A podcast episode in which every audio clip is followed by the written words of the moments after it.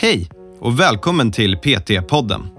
Jag heter Karl Gullö och är utbildningsansvarig på Intensive PT. Vi har utbildat personliga tränare sedan 2012 och vill hjälpa så många människor som möjligt till en aktiv och hälsosam livsstil. I varje avsnitt kommer vi att prata med olika människor om träning, hälsa och entreprenörskap. Varje samtal har ett unikt ämne och vårt mål är att inspirera dig till att vilja förstå mer om hur det är att arbeta som personlig tränare eller att hjälpa dig framåt i din karriär som PT. Får man fram i anamnesen att eh, jaha, så du har spelat innebandy eller fotboll eller något liknande, då naturligtvis eh, drar man ändå nytta av den informationen på något sätt i alla fall. Hej och välkomna allihopa! Idag ska ni få höra Tony Olsson som berättar om ja, bordshockey och träning.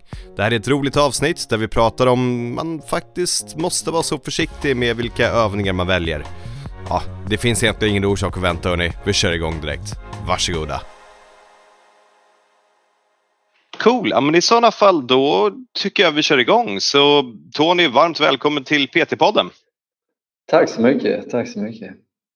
Det är kul att ha dig med oss. Eh, vi har lite udda samtalsämne idag, men jag tänker, egentligen är det faktiskt inte så udda. Det är ett väldigt viktigt samtalsämne för det handlar om glädje. Men innan vi går in på det så tänker jag att du ska få berätta lite om dig själv för våra lyssnare. Ja, precis. Eh, Tony Olsson heter jag, 33 år. Eh, sambo, två barn, eh, Viggo 7 och Vilma 3. Ehm, min yrkestitel är ju som jag tror många är numera lite svävande kanske men personlig tränare såklart och hälsocoach och eh, gammal 3D-tränare och, och sen om man vill ha lite mer skämtsamma svar så är jag ju också eh, bordshockeyproffs. Eh, ja. Fast det är jag ju inte såklart men, men man vill ju vara. Ja, ja men du, du skickar ju in klockrent mejl till oss. Liksom, Hej, jag vill rekommendera mig själv för PT-podden. Tänker vi, okej, okay, nice. Uh, så är det liksom, ja, jag är mycket bordshockey med mina PT-klienter. Okej. Okay. Här har väckt upp ett intresse. Uh, vad är det här för snubbe och vad gör han för någonting? Um, ja, så, men, men, innan dess, du har jobbat som PT ganska länge, eller hur? Jag har varit i branschen i alla fall sedan 2008.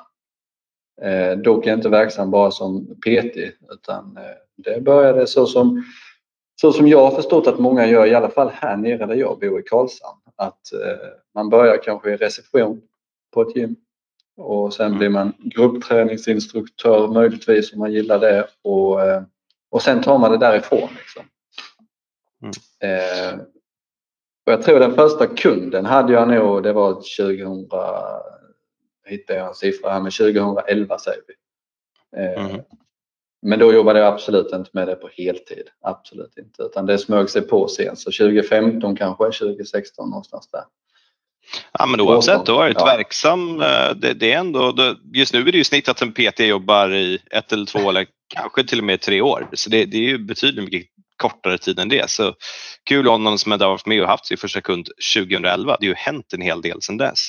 Och det här är ju en av orsakerna till varför vi ska ha med det. För det är ju, du har haft massa olika klienter och när man lär sig om träning så går man igenom olika faser av vad man tycker är viktigt när man gör med sina klienter. Så allt kommer väl tillbaka till en viktig sak och det är att när vi har klienter så vill vi att de ska ha träningsglädje. Vi vill att de ska ha roligt när de tränar. Eh, och då är första frågan här egentligen att vad, vad betyder då träningsglädje? Vad är det för dig? Ja, så för mig skulle jag säga att det sannolikt skiljer sig lite gentemot vad det gör med mina klienter. För eh, någonstans, jag har alltid gillat att träna. Så eh, någonstans liksom redan fotboll är också träningsglädje som det var i tidig i ung ålder liksom. Eh, nu på äldre dagar, ja det är, det är ganska många år tillbaka egentligen, så vill man väl ändå säga att det är ett tvådelat svar, det vill säga eh, delvis den här betydelsen av vad faktiskt kroppen är i sig. Man bara förstår liksom att det är ändå mitt verktyg. Eh, ska jag ta mig från punkt A till punkt B så behöver jag ha en kropp eller får jag ha en rullstol. Eh, och så länge jag slipper det så vill jag ha en kropp som funkar till det mesta. Sen om det är att jag ligger på en bänk och har en skivstång ovanför mig eh, så vill jag ändå kunna den uppgiften ju. Eh, vad det nu ligger på stången. Va?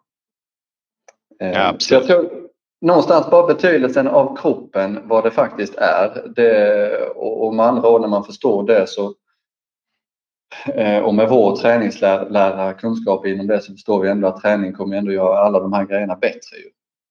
Eh, mm. Vill jag kunna hoppa, ja men vad fasen då måste jag ju träna på det och då eh, i sig ökar det träningsglädjen eftersom jag vet att detta tar mig närmare mitt resultat.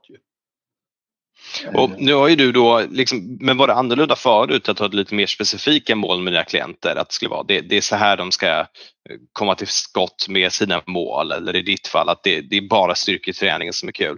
Jag, jag, vet, jag känner i alla fall att ju mer jag har hållit på med träning ju mer har det gått från att det är specifik tyngdlyftning jag vill göra eller specifik crossfit till att jag är rätt glad att jag rör på mig. Det är liksom status nummer ett. Du vet en, en tre timmar lång promenad, det hade jag förr i tiden aldrig tyckt var träning. För det är ingen tung skivstång, det kommer inte hjälpa mig i backsquat. Men nu, alltså om jag får välja mellan att vara en timme inne på gymmet och lyfta, lyfta vikter eller gå en tre timmar lång promenad i solen med min hund och min flickvän. Det ena måste inte sluta det andra men jag tror nästan jag tar promenaden de flesta tillfällen i alla fall. Då. Ja, och jag tycker du säger jävligt bra saker där egentligen för eh, någonstans dels det här man har, man har försökt gå så många utbildningar man bara hunnit genom åren. Och, eh, det fanns ju en tid när eh, allt skulle göras med kettlebell. Och hade man inte det redskapet och tränade med det, då var det lite tveksamt, är detta ens bra?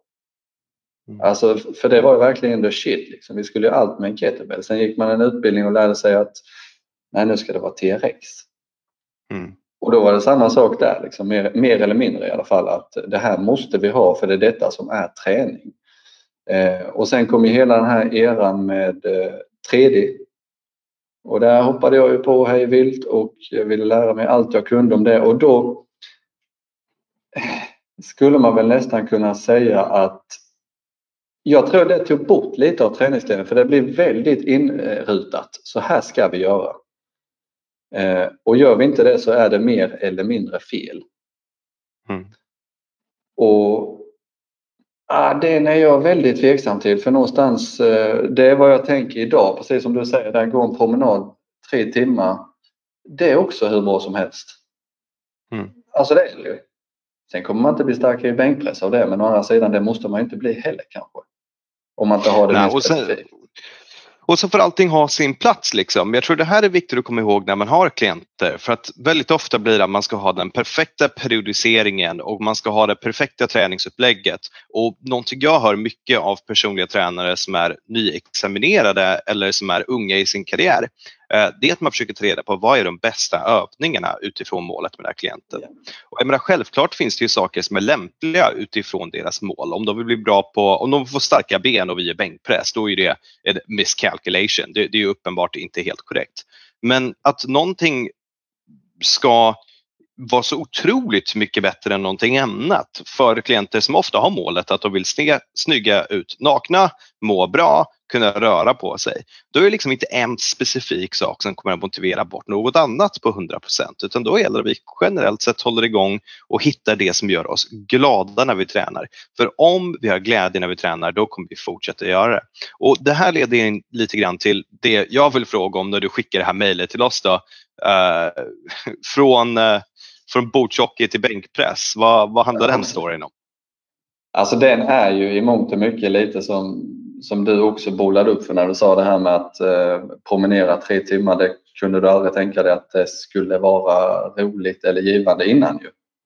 Nej. Och när jag började träna i ett källargym 14-15 år där någonstans, då var ju bänkpress allting. Ja, det, var det känner jag igen. Det var, ja, det var svaret på allt. Liksom. Då var det nästan svaret till och med att vill du ha starkare ben så ska du köra bänkpress. Nästan. Ja. eh, Medan nu är det så mycket mer liksom att om vi ändå tittar på forskningen på det också visar ju också att vi ska ju framförallt vara fysiskt aktiva. Eh, sen kanske inte övningsvalet, precis som du var inne på, det kanske inte spelar så stor roll. Eh, och, och, där kommer ju definitivt en sån grej som bordshockey in, även om det är bara en metafor egentligen för att man gör något man tycker är roligt. Mm. Eh, så givetvis, jag spelar ju absolut inte bordshockey med eh, klienter som inte gillar det. Eh, men för att förtydliga det någonstans eh, så har jag en, en, en man som spelade mycket bordshockey i ung ålder. Som många gjorde i den generationen. Han är mellan 40 och 50. Och han gillar ju bordshockey. Så när han såg mitt bordshockeyspel inne på kontoret så frågade han givetvis om vi kunde göra lite sånt också. Och det är klart vi gör det. Ja, det är och där, Ja, och, och någonstans tror jag ändå där själva upplevelsen från vår, vårt pass. Liksom. Vi har kört bänkpress säger vi här nu då, och sen har vi kört lite benpressar och massa andra grejer. Och sen har vi också spelat bordshockey. Jag tror när han lämnar det passet så är han eh, alltså full av glädje liksom. Mm. Och alla de här ansträngningarna han har gjort, det mer eller mindre nästan glöms bort. Mm. För det var ju roligt. Nej, alltså det, det, jag tror det, det vet folk som, eh, paddel är det ja. största som finns just nu, det går inte att undvika. Och där har du liksom folk som inte som kanske inte bör träna på den intensiteten. Nu tänker jag på de här medelålders tjocka härliga gubbarna som har knäskador och axelskador och alltihopa. Så går dit och går loss för att det är kul för att det är roligt. Jag, jag, ja. jag hade en PT-klient, hon spelade handboll var yngre, hon var elithandbollsspelare och nu var hon um, Ja, hon var medelålders, hon var inte i form, hon hade haft barn. Uh, men, och hon tyckte liksom hon skulle rehabilitera något. Det, det här var många år sedan. Jag tror det var ett knä. Uh, och då så började vi göra de här tråkiga balansgrejerna som fanns. Eh, och så vid något tillfälle bara så plockade jag upp en liten boll och kastade till henne bara för att se om hon kunde liksom göra det samtidigt som hon stod på ett ben. Och så såg hon hennes ögon bara lyste upp. För att yeah. nu fick hon kasta runt en boll det här var det bästa hon visste förut. Så då började vi inkorporera det mer i hennes uppvärmningar, att hon skulle kasta den här bollen mot en vägg, göra en burpee, plocka upp den. Eh, att hon skulle eh, liksom i rehabiliteringssyftet när det var det här knät för balansens skull, att jag stod bara och bollade bollen fram och tillbaka till henne samtidigt som hon bytte knän som hon stod på, gjorde små quarter squats eh, eller gjorde balans eller mobility-grejer och sånt. Och hon älskade det. Hon tyckte det var så jävla roligt så det inte var sant. Och det var liksom, det var bara att jag råkade plocka upp den här bollen och kasta den till henne och så såg jag hur hon lös upp och tyckte det var kul. Och den parallellen kunde jag ju faktiskt ha gjort tidigare och tänka att nu har vi en klient här som håller på med handboll och var tvungen att sluta och nu har vi inkorporerat en boll i vår träning. Och hon älskade wallballs också. Det är, hon gjorde såna här 150 wallballs på ett litet workouts uh, och bara grindade igenom det som om det inte vore någonting. Så och försöka hitta vad klienter tycker är kul. Det är ja. inte att underskatta alltså. Nej, eh, alltså, och där är ju någonstans blir ju anamnesen ganska viktig när man jobbar med PT. Sen är det ju givetvis skillnad så fort man har eh, eh, med grupper, liksom, gruppträning och sådana här saker. För kanske inte riktigt har den möjligheten att intervjua varenda person. Men som du säger, där får man fram i anamnesen att eh, jaha, så du har spelat innebandy eller fotboll eller något liknande. Då, naturligtvis eh, drar man ändå nytta av den informationen på något sätt i alla fall. Hur mm. mycket vi integrerar eh, bollar då, ja, det beror väl lite på andra saker också kanske. Men eh, jag tror definitivt det ska vara med ja. på något sätt. Ja, och man kan ju också prata med personer och fråga men var, varför ja. slutar det? Och de säger det för att jag hatar sporten. Då är det så här, okej, okay, då, kanske man, då tar man väl lite försiktigare där. För det här kan ju gå för långt också. Det kan ju bli så att vi, vi gör inte trä, eller ja, fast jag vet inte om det stämmer, men att det kan vi inte gå för långt i form av att vi gör saker som är kul istället för träning, för att allt är träning. Men det kan gå för långt i form av att vi går ifrån saker som inte kommer främja klientens mål. Eh, ja, det kan ju bli ett problem. Liksom. Det mesta kommer ju främja deras mål, men det kan ju ändå vara så att man, man får liksom man får ändå vara lite smart när man lägger upp det här. så mycket som vi kommer fram till i den här podcasten, man ska inte vara dum i huvudet. Bara man använder lite sunt förnuft så Nej, brukar det vara okej. Okay. Eh, jag vet att du skrev lite om case studies som hade blivit failures. Uh, när, när, ja. när har det skett? Då? Ja, den är ju lite så här som man eh, jag drar mig inte för att reflektera över vad jag har sysslat med i, min karriär. Liksom. Snarare tvärtom, jag, ref, jag reflekterar ganska mycket och eh, tänker tillbaka. Och det är en eh, uppenbar grej, får jag lov att säga. Ehm, och det var egentligen under hela den här eh, eran med eh, 3D-träning, vi skulle belasta i tre plan, det skulle alltid vara integrerat och eh, den här personen kom in till mig då och ville ha min hjälp. och den vill, den vill komma i form. Den vill bara komma i form, den vill se lite bättre ut. Han är 40 ungefär någonstans där, har tränat mycket innan och hållit uppe i nästan 20 år liksom. Nu vill han bara komma i form igen. Då och jag var ju väldigt liksom, det är ju biomekanik is the shit liksom. Vi ska definitivt belasta yeah. allting tre, tre plan nu. Och, eh, och man blir ganska, eh, man stirrar sig blind på det. Återigen, alltså, vi kan ju alltid diskutera, är det bra med 3D-träning och så vidare, men oavsett så var ju det min tro där och då. Eh, mm. Det är det och därför ska vi ju göra det. Mm. Men det tog helt bort glädjen för att träna för honom. Helt och hållet. Vad, vad var det som tog bort glädjen då? Vad, vad var orsaken? Var det för komplicerat eller? Ja, nu i efterhand skulle jag gissa att det var det och plus att eh, Alltså jag styrde ju ganska hårt liksom att vi ska nog eh, integrera även bicepskurlarna. Liksom. Mm. Så vi kanske integrerar det med ett utfallssteg och så hämtar vi vikten från marken och sen kommer bicepskurlen. Mm. Eh, Medan om man tänker bruttoeffekten av träningen, om han bara fick sitta på en bänk och köra sina bicepskurvor, då, då tar han ju i. Ja, och då får han, han större biceps, han kommer känna sig snyggare naken, han kommer få bättre självförtroende etc. etc, ja, etc. Ja. Och där tror jag är ett stort misstag som jag förhoppningsvis aldrig gör i min karriär med. Det är, det är just att man eh, Alltså metoden kanske inte är den viktigaste helt enkelt. Övningen kanske inte är den viktigaste. Framförallt inte när det är eh, sådana fall. Nu pratar vi inte specifik rehabträning utan nu pratar vi ju, man vill bara komma i form. Mm. Och just nu tränar man inte och då är ändå första steget att bara träna. Ja, och röra på sig. Vi har en lyx här i Sverige att vi kan gå ut och gå på promenader. Det kan man inte överallt. Exakt, I alla fall inte långa promenader. Bara det är rätt härligt. Uh, och allmänt, alltså vi, vi, har en sån otroligt inspirerande gubbe. Jag, vi, jag har flyttat nu så jag bor i liksom lägenheter med stora balkonger, det är ute i skogen. Uh, och så har vi ett hus mitt emot oss en bit bort. Uh, och där har vi en gubbe och varje dag klockan åtta så är han ute och gör liksom sin morgongymnastik och det här är verkligen gubbig morgongymnastik. han, han är halvt blind, han är rätt gammal och varje morgon är han ute där och man ser hur glad han är för att få röra på sig. Och sen varje dag så går han en promenad och han har en pinne som han går omkring med och så går han utomhus med sin pinne och gör sin morgongymnastik. Liksom. Och jag snackade lite med honom och, och jag var så här, jag förbannade mig. Liksom, ah, det är tråkigt, jag kan inte träna på gym nu så jag kan inte göra mina knäböj och allt sånt där. Liksom. Så jag sa, ja, nej, men gå ut och spring då. Sen, ah, men fan, jag, nej, springa är inte riktigt min grej. Han bara, vad jag skulle ge för att kunna gå ut och springa. Och då var det så här, ja, ja du, vad du skulle inte ge för att kunna gå ut och springa. Och så kan man inte jämföra för alla har olika situationer och olika yeah. liv. Liksom. Men, men oavsett, jag tyckte den var för mig ganska otrolig att ha den här gubben mitt emot som är där och gör sin morgongymnastik varje dag ute på balkongen, pressar på, tycker det är kul och njuter av att röra på sig. Och jag är förbannad över att jag inte gått och blivit medlem på ett gym så jag kan inte stå och göra mina knäböj. Liksom. Och, ja, det är inte. lite kontraster där, det får man ju lov att säga. Det är ju det. Det är ju det. Så det här med träningsglädje och hitta vad som är viktigt för dig och vad som är viktigt för din klient, det blir väldigt viktigt. Eh, och just 3D-träningen, där nu är det inte det vi ska gå in på, men det kan i alla fall lyfta upp som ett varning för klienter. För den, oavsett om den är bra eller dålig, den är ju helt klart komplex. Eh, det är ju relativt komplicerade övningar som kräver balans och som kräver koordination och så vidare. Och det är inte helt dumt. Men man får hitta rätt plats för det tror jag.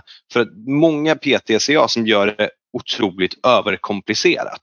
Man har folk som gör liksom enbenta knäböj med en hantel ut till ena sidan samtidigt som man, du vet, det, liksom, listan blir väldigt lång. Så jag sa, men yeah. vad, vad, vill klienten göra? Han vill göra knäböj. Ja, okay. då, då kör vi knäböj. Ja, det är liksom han vill få starkare ben. Okay. Har du en idrottare, har du en atlet på det sättet ja. som behöver de här snabba rotationerna, jag menar, de tränar ju för något annat syfte. Uh, och sen ska man inkorporera det här i, i, vissa övningar kanske.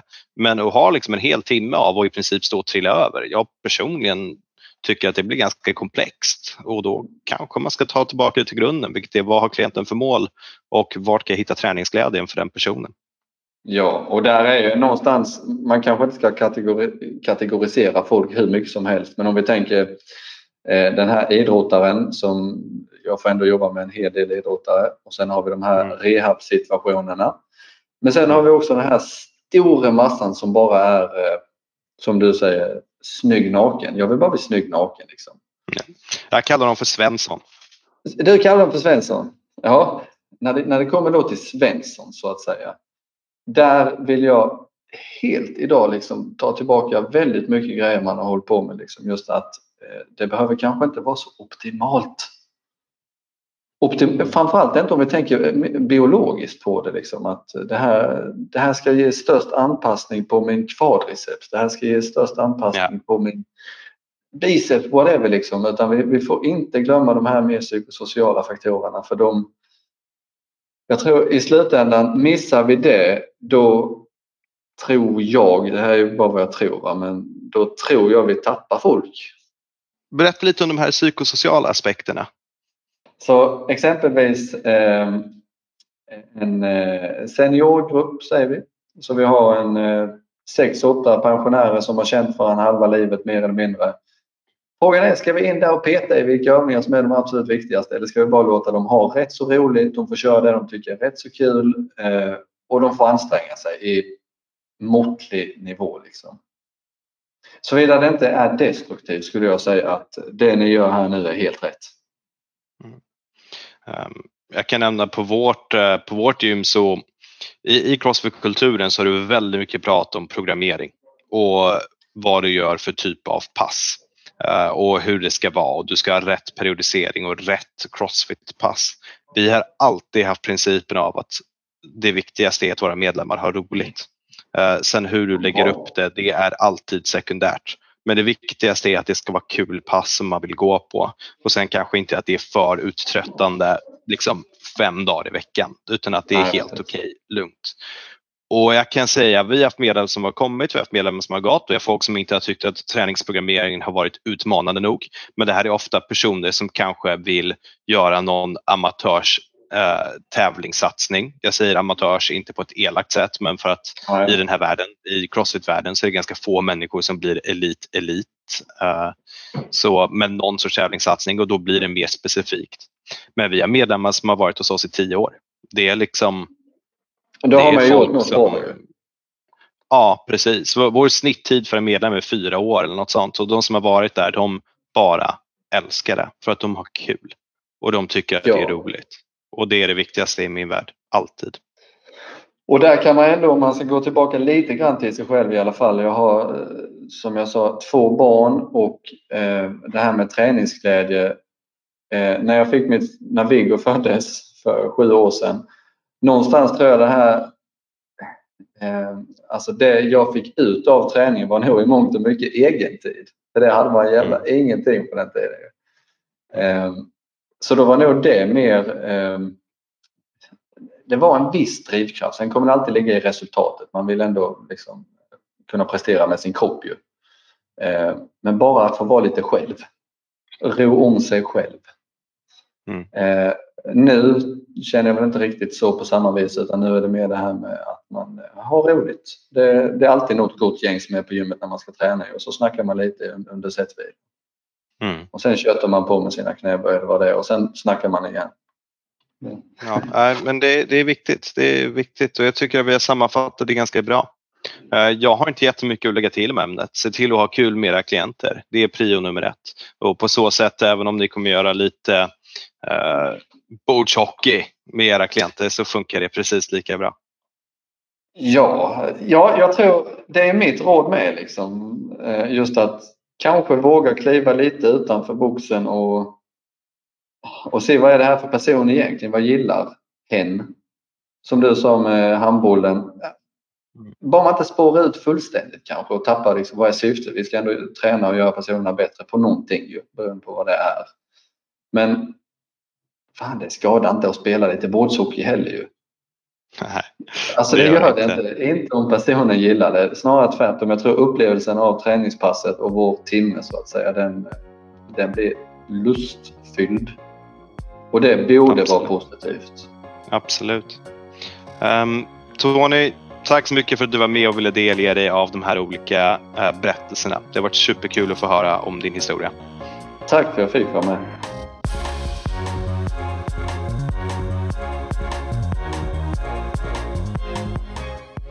PT-podden är producerad av Intensiv PT. Om du vill veta mer om våra utbildningar och gå med i nätverket av framtidens personliga tränare, gå in på www.intensivpt.se. Vi har kursstarter varje månad och du kan studera helt i ditt egna tempo.